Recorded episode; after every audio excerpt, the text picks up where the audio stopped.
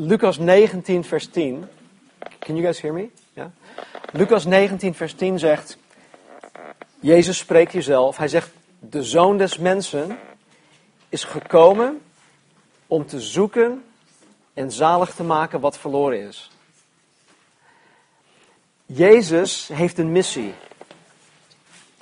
Hij is 2000 jaar geleden naar de aarde toegekomen om de verlorenen op te sporen en om hun te redden. En wij, wij die reeds door Jezus gevonden en gered zijn, mogen dit werk voortzetten dat hij 2000 jaar geleden begonnen is. Dit betekent dat de, ja, noem het maar even de Search and Rescue Mission, de opsporing en, en reddingsmissie, die Jezus 2000 jaar geleden begonnen is, dat die nog steeds gaande is. Alleen nu voert Jezus dit werk uit door middel van zijn lichaam, de kerk, de gemeente, door zijn volgelingen. Dat zijn wij. En vanmorgen in de, de laatste acht versen van Matthäus 4 zullen wij ja, enige inzicht krijgen tot Jezus' plan van aanpak. We zullen zien hoe Jezus te werk gaat en wie hij kiest om zijn reddingsbrigade te vormen. Dus laten we, laten we naar Matthäus hoofdstuk 4 gaan en dan uh, pakken we het op in vers 18. En Jezus liep langs de zee van Galilea en zag twee broers, namelijk Simon die Petrus genoemd wordt en zijn broer Andreas het net in de zee werpen, want ze waren vissers. En Jezus zei tegen hen, kom achter mij of volg mij en ik zal u vissers van mensen maken. Zij lieten meteen de netten achter en volgden hem. Hij ging vandaar verder en zag twee andere broers, namelijk Jacobus, de zoon van Zebedeus, en Johannes zijn broer, in het schip met hun vader Zebedeus, terwijl zij, terwijl zij hun netten aan het herstellen waren. En hij riep hen. Zij lieten meteen het schip en hun vader achter en volgden hem.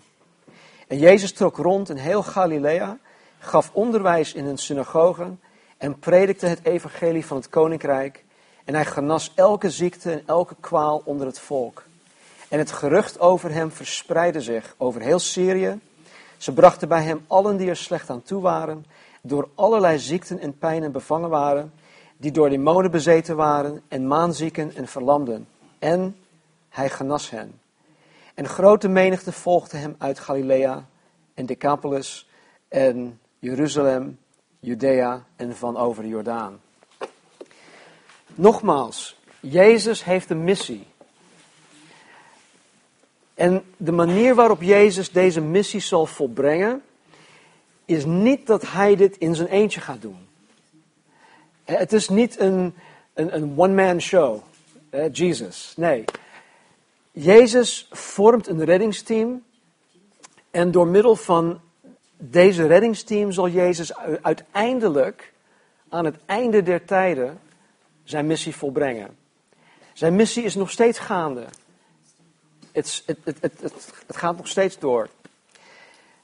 Als ik Jezus was geweest en voor de taak stond om een koninklijke reddingsbrigade te vormen, dan zou ik als eerste rond de tafel gaan zitten met een, een headhunter, een uh, recruiter, een werving- en selectiebureau. Iemand die, um, die mensen werft die veel kennis van zaken hebben. Iemand die mensen werft die, die um, uh, bewezen praktijkervaring hebben. Ik zou op zoek gaan naar kandidaten die ten eerste heel goed opgeleid zijn. Die een, een, een prachtige cv hebben opgebouwd. Die politiek veel invloed hebben. Die vermogend zijn die wellicht uh, deel uitmaken of lid zijn van uh, onder andere een Rotary Club, uh, die een zeer uitgebreid netwerk hebben, enzovoort, enzovoort, enzovoort. Maar Jezus denkt niet zoals wij. Jezus benadert dingen helemaal anders. In Jesaja 55, 8 en 9 staat dit. God spreekt hier. Mijn gedachten zijn niet uw gedachten en uw wegen zijn niet, mijn wegen, spreekt de Heer. Want zoals de hemel hoger is dan de aarde, zo zijn mijn wegen hoger dan uw wegen en mijn gedachten dan uw gedachten. Gods wegen zijn ondergrondelijk. Dat leert de Bijbel ons ook. En deze waarheid komt in dit laatste stuk van Matthäus heel duidelijk naar voren. We, zullen zien door, uh, door Jezus' handeling hierin dat zijn wegen ver boven onze wegen uitgaan. Laten we kijken hoe hij zijn selectie maakt. In vers 18 zegt, staat: En Jezus liep langs de zee van Galilea en zag twee broers, namelijk Simon, die Petrus genoemd wordt, en zijn broer Andreas, het net in de zee werpen, want ze waren vissers. Ten eerste, wat, wat mij hier opvalt, is dat wij Jezus hier zien lopen. Misschien denk je van, ja, so what? Voor mij zie ik het als, als, als dit. Hij is relaxed aan het wandelen. Hij is blijkbaar niet gestrest, hij is niet gehaast.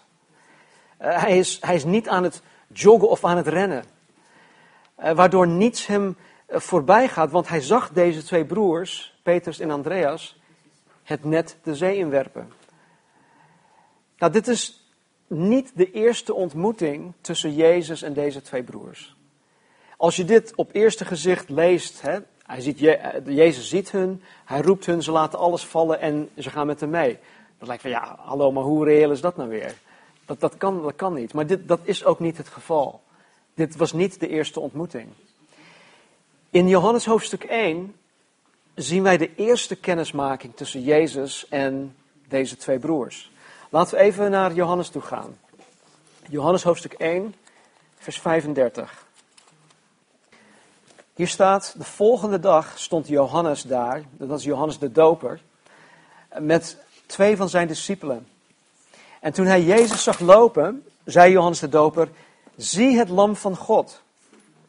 En de twee discipelen hoorden hem dat zeggen en zij volgden Jezus. En toen Jezus zich omkeerde en zag dat zij volgden, zei Jezus tegen hen, wat zoekt u? En ze zeiden tegen hem, Rabbi, wat, wat vertaald wil zeggen meester, waar woont u? Hij zei tegen hen, kom en zie. Ze kwamen en zagen waar hij woonde en bleven die dag bij hem. En het was ongeveer het tiende uur, vier uur middags. Andreas, de broer van Simon Petrus, was een van de twee die het van Johannes de Doper gehoord hadden en Jezus nagevolgd, of Jezus gevolgd waren. Deze vond als eerste zijn eigen broer Simon en zei tegen hem: Wij hebben de Messias gevonden, wat vertaald wordt als de Christus. En hij leidde hem tot Jezus. Jezus keek hem aan en zei: U bent Simon, de zoon van Jona. U zult Kefas of Petrus genoemd worden. Wat wordt vertaald met Petrus. Nou, nu weer terug naar Matthäus. Roelof die sprak hier twee weken geleden. En die gaf aan, of die had uitgelegd, dat er ongeveer een jaar, um, een jaar tussen de eerste ontmoeting hier in Johannes 1 en deze ontmoeting in, in Matthäus hoofdstuk 4 zit. Er zit ongeveer een jaar tussen. En in dat, jaar, in dat ene jaar speelden zich de gebeurtenissen van Johannes hoofdstuk 1 tot en met hoofdstuk 4 af. Dus alles wat wij lezen in Johannes 1 tot en met 4 speelde tussen de eerste en deze tweede ontmoeting in, in Matthäus hoofdstuk 4 af. Dus nogmaals, dit was niet de eerste ontmoeting.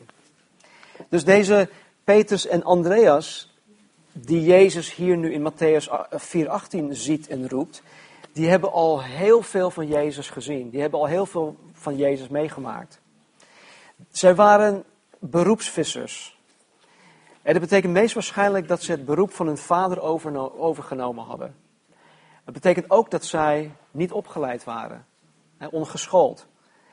Jaren later, na de, de kruisiging, de opstanding, de, de hemelvaart van Jezus Christus, na, de, na Pinksteren, na de geboorte van de gemeente, toen uh, werden Petrus en Johannes gearresteerd omdat zij het evangelie verkondigden.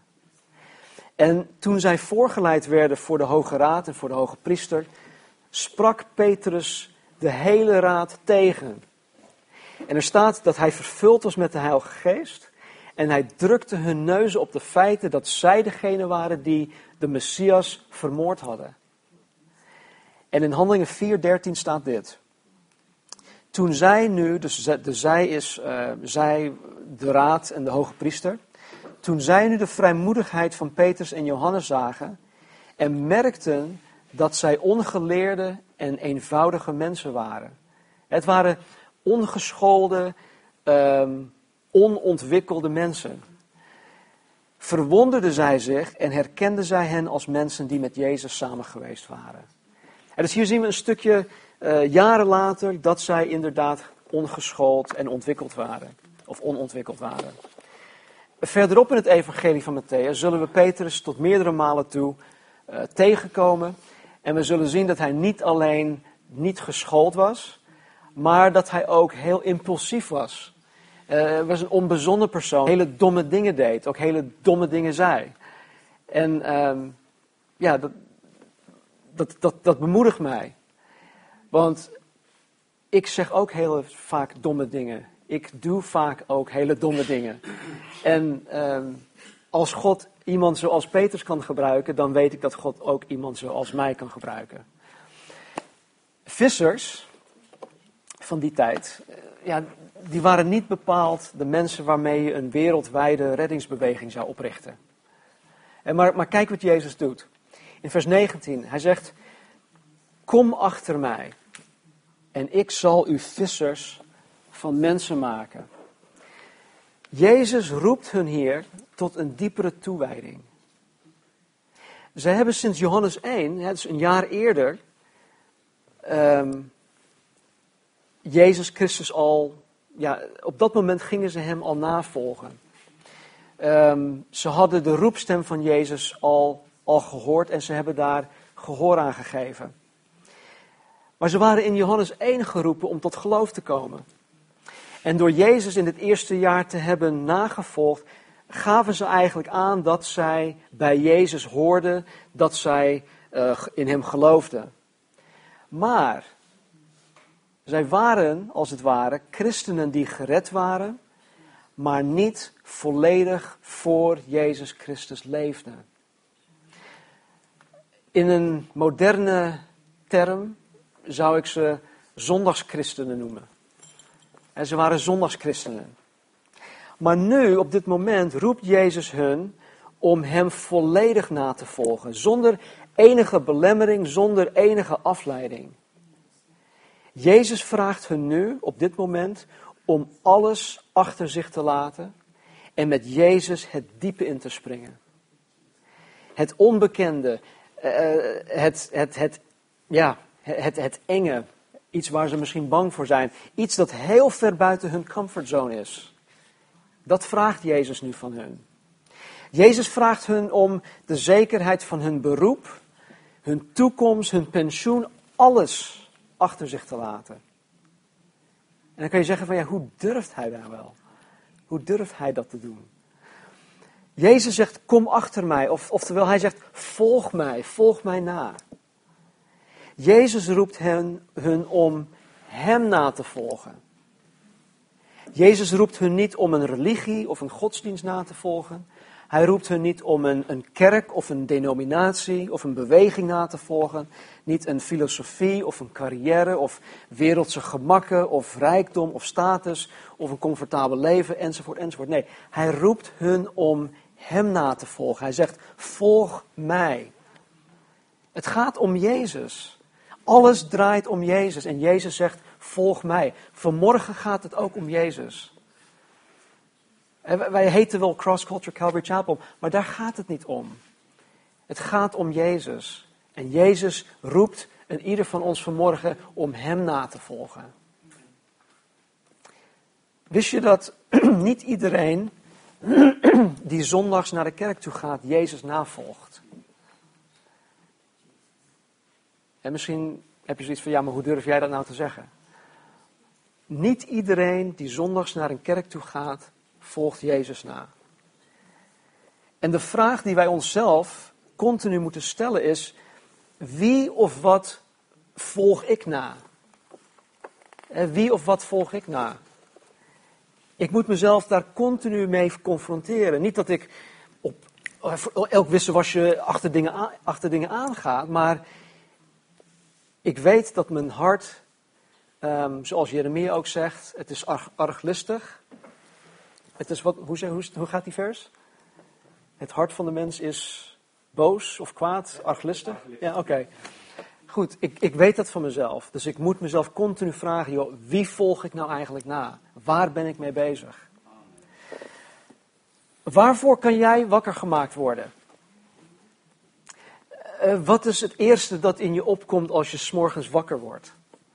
Wat is de laatste gedachte waaraan je denkt voordat je in slaap valt? Wat houdt je bezig? Waaraan besteed je je vrije tijd? Waar maak je tijd, of, tijd voor vrij?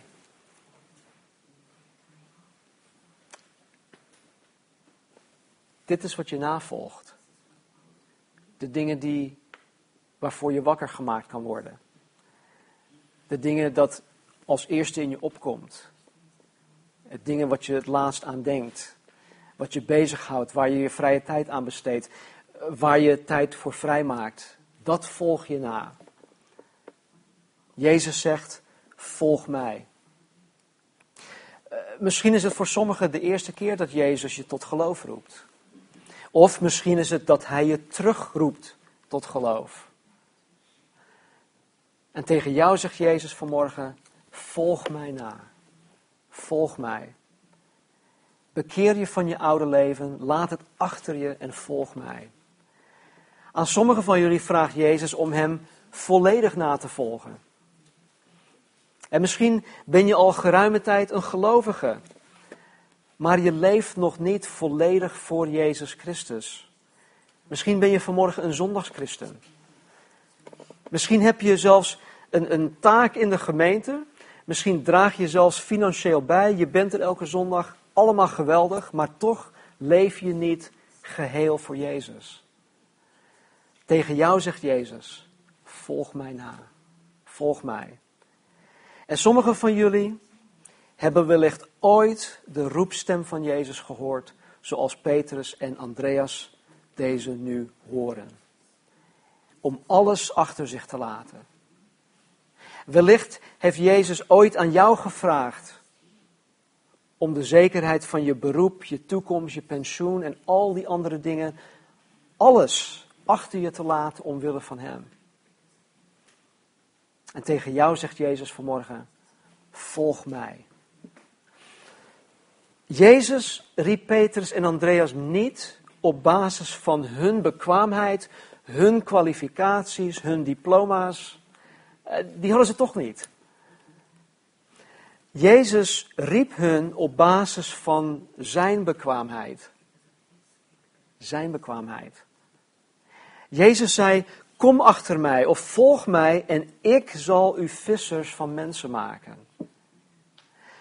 Het enige dat, dat Petrus en Andreas moesten doen, is in geloof alles achter zich laten en de rest, de rest is aan Jezus. Jezus zal van hun vissers van mensen maken. Nou, natuurlijk hebben wij het voordeel van het geschreven woord. Wij weten hoe het verhaal afliep. We weten dat Jezus slaagde in het maken van mensenvangers, hè, van Petrus en, en Andreas. Maar op het moment dat Jezus hun riep, hadden zij totaal geen garanties. Ze wisten helemaal niks. Het enige wat zij misschien wel hadden, of wat zij wel hadden, is dat zij, zij moesten op basis van wat zij uit het Oude, Oude Testament wisten van Jezus, en op basis van wat zij inmiddels van Jezus hadden gezien en gehoord, in geloof het diepe inspringen. Zij moesten op dat moment in geloof in zee gaan met Jezus. Kijk wat ze doen.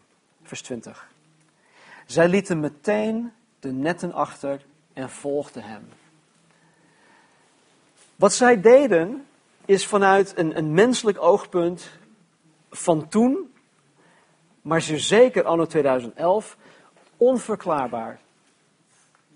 Het is onverantwoord. Sommigen zouden zelfs zeggen dat, dat dit roekeloos gedrag is. Om zomaar alles te laten vallen en een of andere Jezus na te volgen, die niemand kent.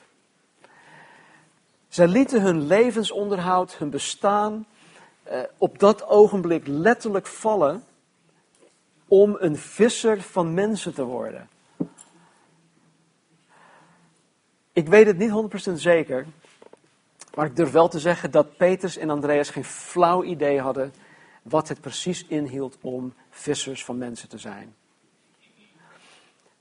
Tot op dat moment bestond dat beroep niet.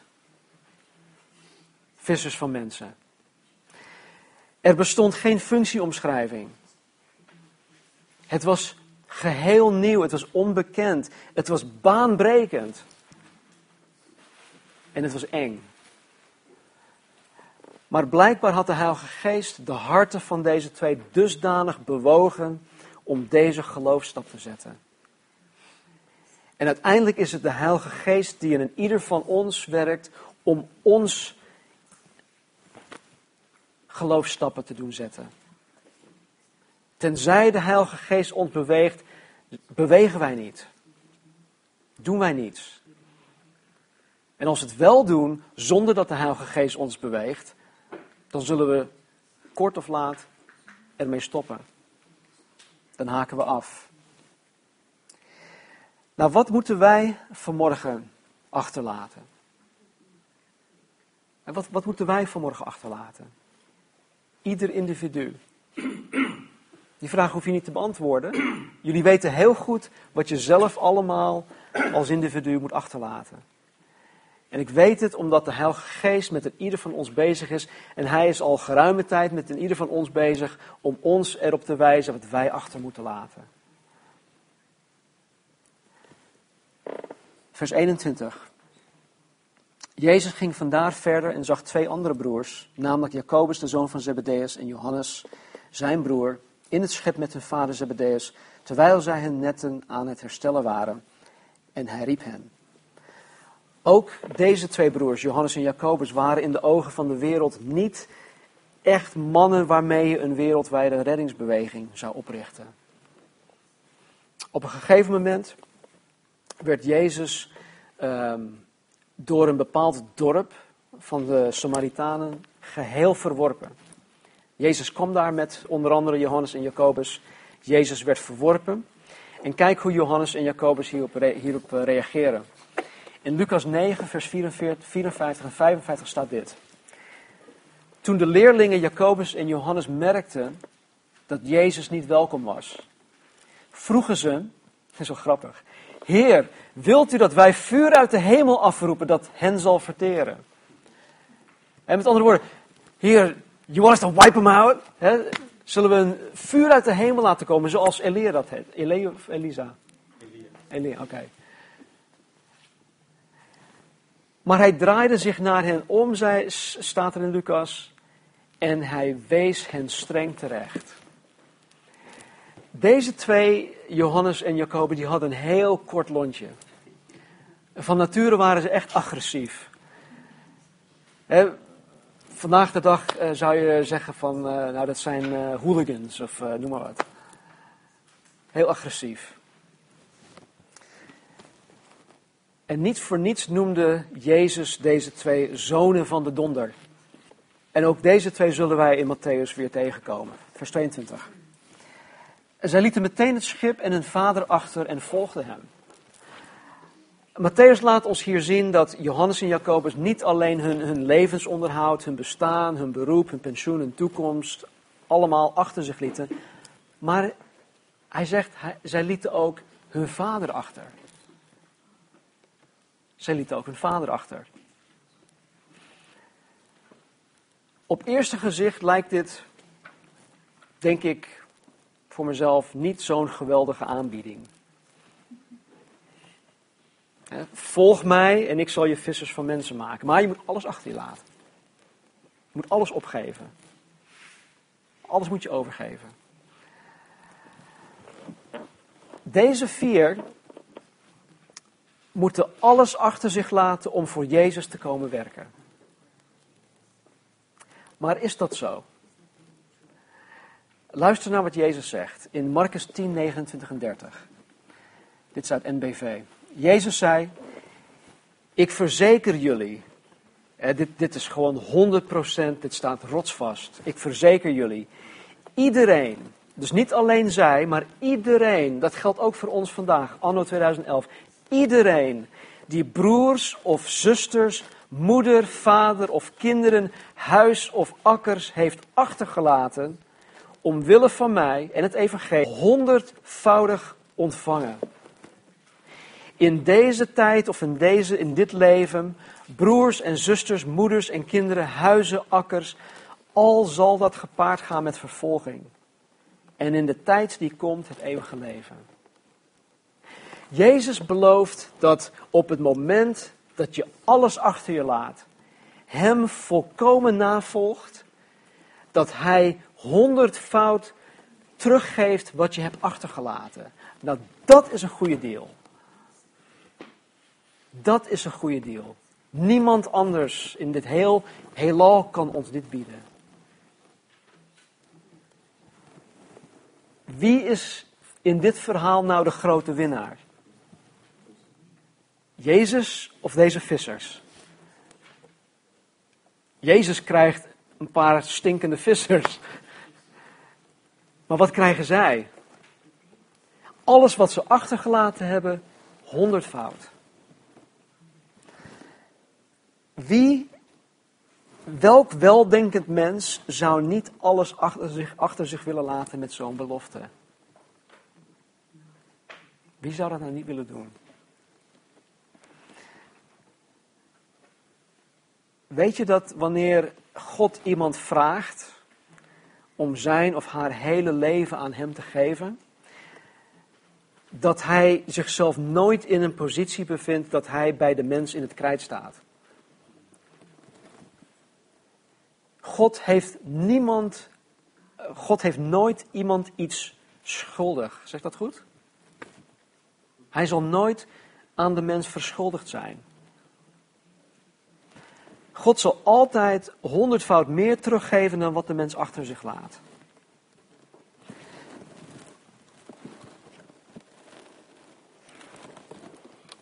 Toen Marnie, uh, Christine, Ashley, Alyssa en Kendall en ik in, uh, in 92 de roepstem van God hoorden om alles achter te laten en naar een klein vlekje op de kaart, de wereldkaart, te komen, te gaan.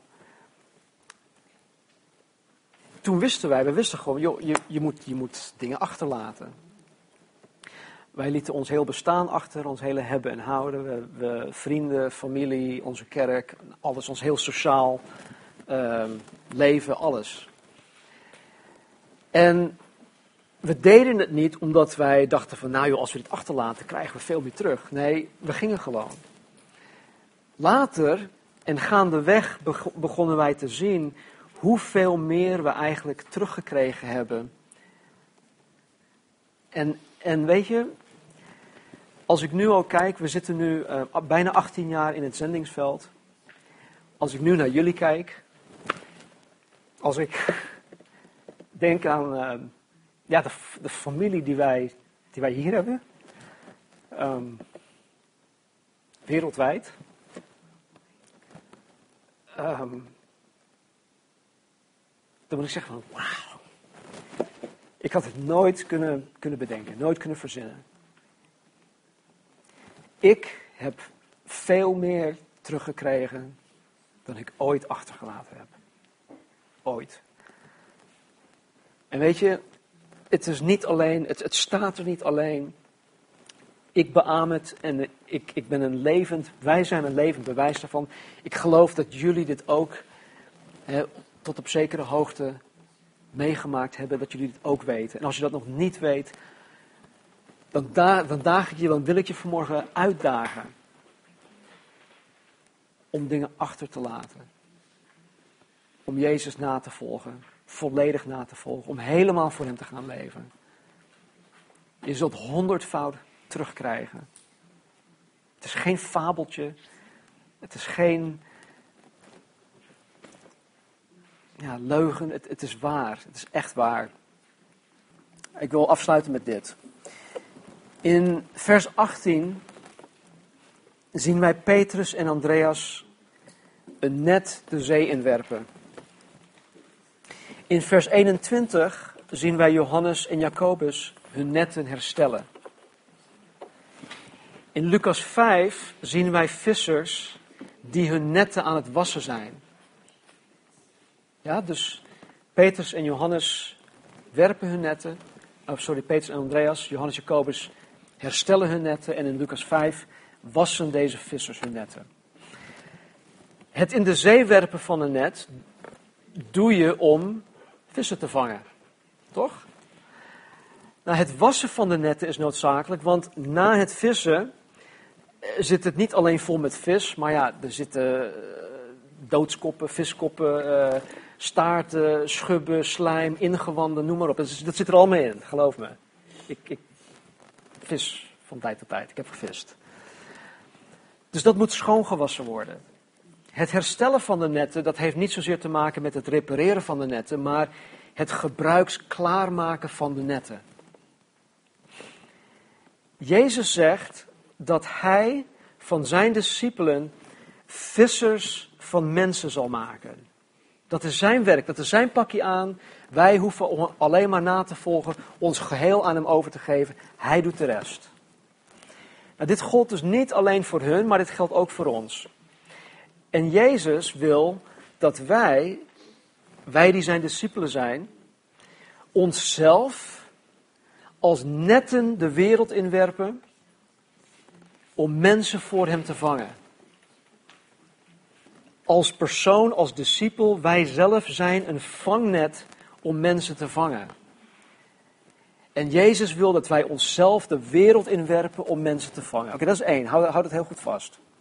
Wij doen dit door, uh, onder andere door wat wij op 3 september gaan doen, de straat opgaan, om met mensen in gesprek te gaan, ten einde hun het evangelie te kunnen vertellen, om hen uit te nodigen om deel uit te maken van het lichaam van Jezus Christus. Wij doen dit ook door persoonlijke één-op-één gesprekken te hebben met familieleden, met vrienden, collega's, school, klasgenoten, enzovoort, enzovoort. Nou, eenmaal gevangen, worden deze nieuwe netten schoongewassen. Want als ze gevangen zijn, dan, is het, dan zijn zij niet alleen meer een vangst, maar ook zij worden netten. En, en deze netten worden schoongewassen door middel van discipelschap, door middel van het onderwijzen van het woord van God, door middel van de gemeenschap die we met elkaar hebben, door middel van toerusting, door middel van het breken van het brood, door middel van gebed en al dat soort christelijke, kerkelijke dingen. Dus wij vangen hun zij worden zelf netten. Zij worden schoongewassen door het woord, door de fellowship, door gebed, door discipelschap. En tegelijkertijd worden deze netten, de nieuwe vangst, worden door de Heilige Geest, door het woord hersteld en gebruiksklaar gemaakt om de wereld ingeworpen te worden, om weer andere mensen te vangen voor Christus. En dit is dus de manier waarop Jezus met ons te werk wil gaan. Dit is de manier waarop zijn reddingsbrigade op, op zoek gaat naar de verlorenen. En Jezus roept in ieder van ons vanmorgen om Hem daarin na te volgen, zodat Hij van een ieder van ons vissers van mensen zal maken. Ik weet niet hoe jullie dit zien, maar ik vind, ik vind het heel spannend. Ik vind het exciting. Het is, Geweldig. Ik ben een vangnet. Ik vang iemand. Degene die ik vang, die, is, die wordt ook een net. Die gaan we schoonwassen. Die wordt hersteld, die wordt gebruiksklaargemaakt. Die werpt zichzelf weer de wereld in. Die gaat weer mensen vangen. En zo gaat dat door. Ik zal, een, uh, ik zal in de nabije toekomst een berekening maken ik weet niet precies hoe dat werkt, maar ehm, ik zal een berekening maken dat als ik twee vissen vang en ik leer deze twee vissen om ook ieder twee vissen te vangen, ik zal kijken hoeveel vissen wij in de komende tien jaar zullen vangen als we dat allemaal doen. Maar ik hou je dat te goed, dat doe ik een andere keer. Ja? Laten we bidden. Heer, dank u wel dat wij u mogen navolgen. Dank u wel, Heer, dat wij zo gezegend zijn. Heer, dat u ons geroepen hebt, Heer. Dat wij geroepen zijn tot geloof. En Heer, dat wij uw roepstem hebben gehoord. Dat we er acht op hebben geslagen. Heer, dat wij nu uw, uw volgelingen zijn. Heer, ik bid zo voor ieder van ons, heren, die op dit moment u nog niet navolgen. Heer, u roept hen vandaag, vanmorgen, om hun na te volgen, om u na te volgen. Heer, neem alle belemmeringen weg.